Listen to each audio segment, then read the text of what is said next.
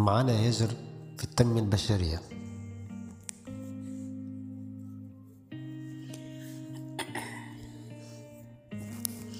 حديث شريف استوقفني حبيت ناخذ منه مغزى.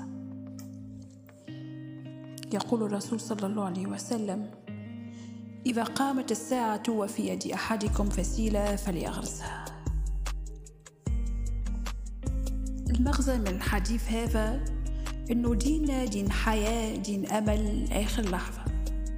عكس ما يتم تداوله في تقاليدنا وفي أفكارنا البالية اللي يقولك بعد ما شاب هزوه للكتاب ولا يقولك ساق في الدنيا وساق في الأقبر إحباط للعزائم. وتدمير لكل معنى الحياة. شكون قاعد عايش بعقلية الحياة؟ اللي جابها ديننا الإسلامي هو المجتمع الغربي والمجتمع الأوروبي.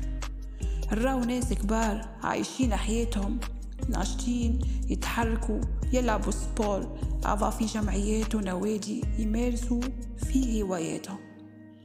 في الأخر شكون غلط؟ دينك الإسلامي ولا عقليتك البالية اللي كلست بالمعتقدات البالية؟ ما نتصورش الدين الإسلامي جاب عقلية بالية. انت هو اللي لازم تصلح من روحك وتنظر للإسلام بنظرة مخالفة.